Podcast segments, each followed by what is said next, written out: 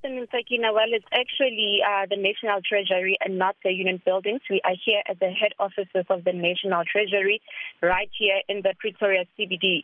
Now, this is where uh, public servants were expected to picket during their lunchtime.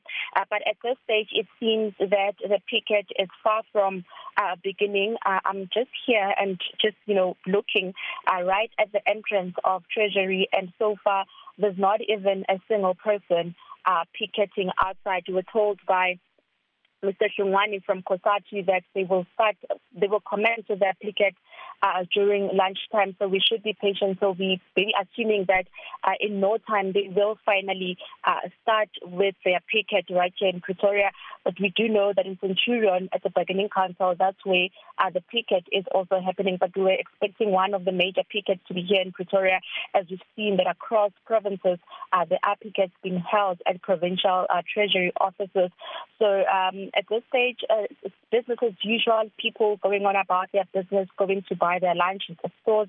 And, you know, there's a security guard just monitoring the situation, but so far it's a fairly, fairly quiet Sakina.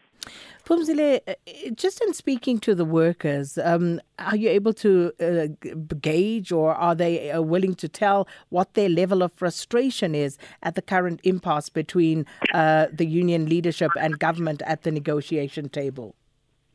Well, Sakin, I've managed to speak with two uh, of the workers who were on their way to buy lunch, and they did say that uh, they feel that, you know, government remains uh, resolute and they, it seems that nothing is going to change. Uh, so, um, you know, so that's why they said they weren't, they weren't going to be part of the picket. And they also, it wasn't a way, it didn't seem a way that there was going to be a picket right here at their offices as they were going on about their day.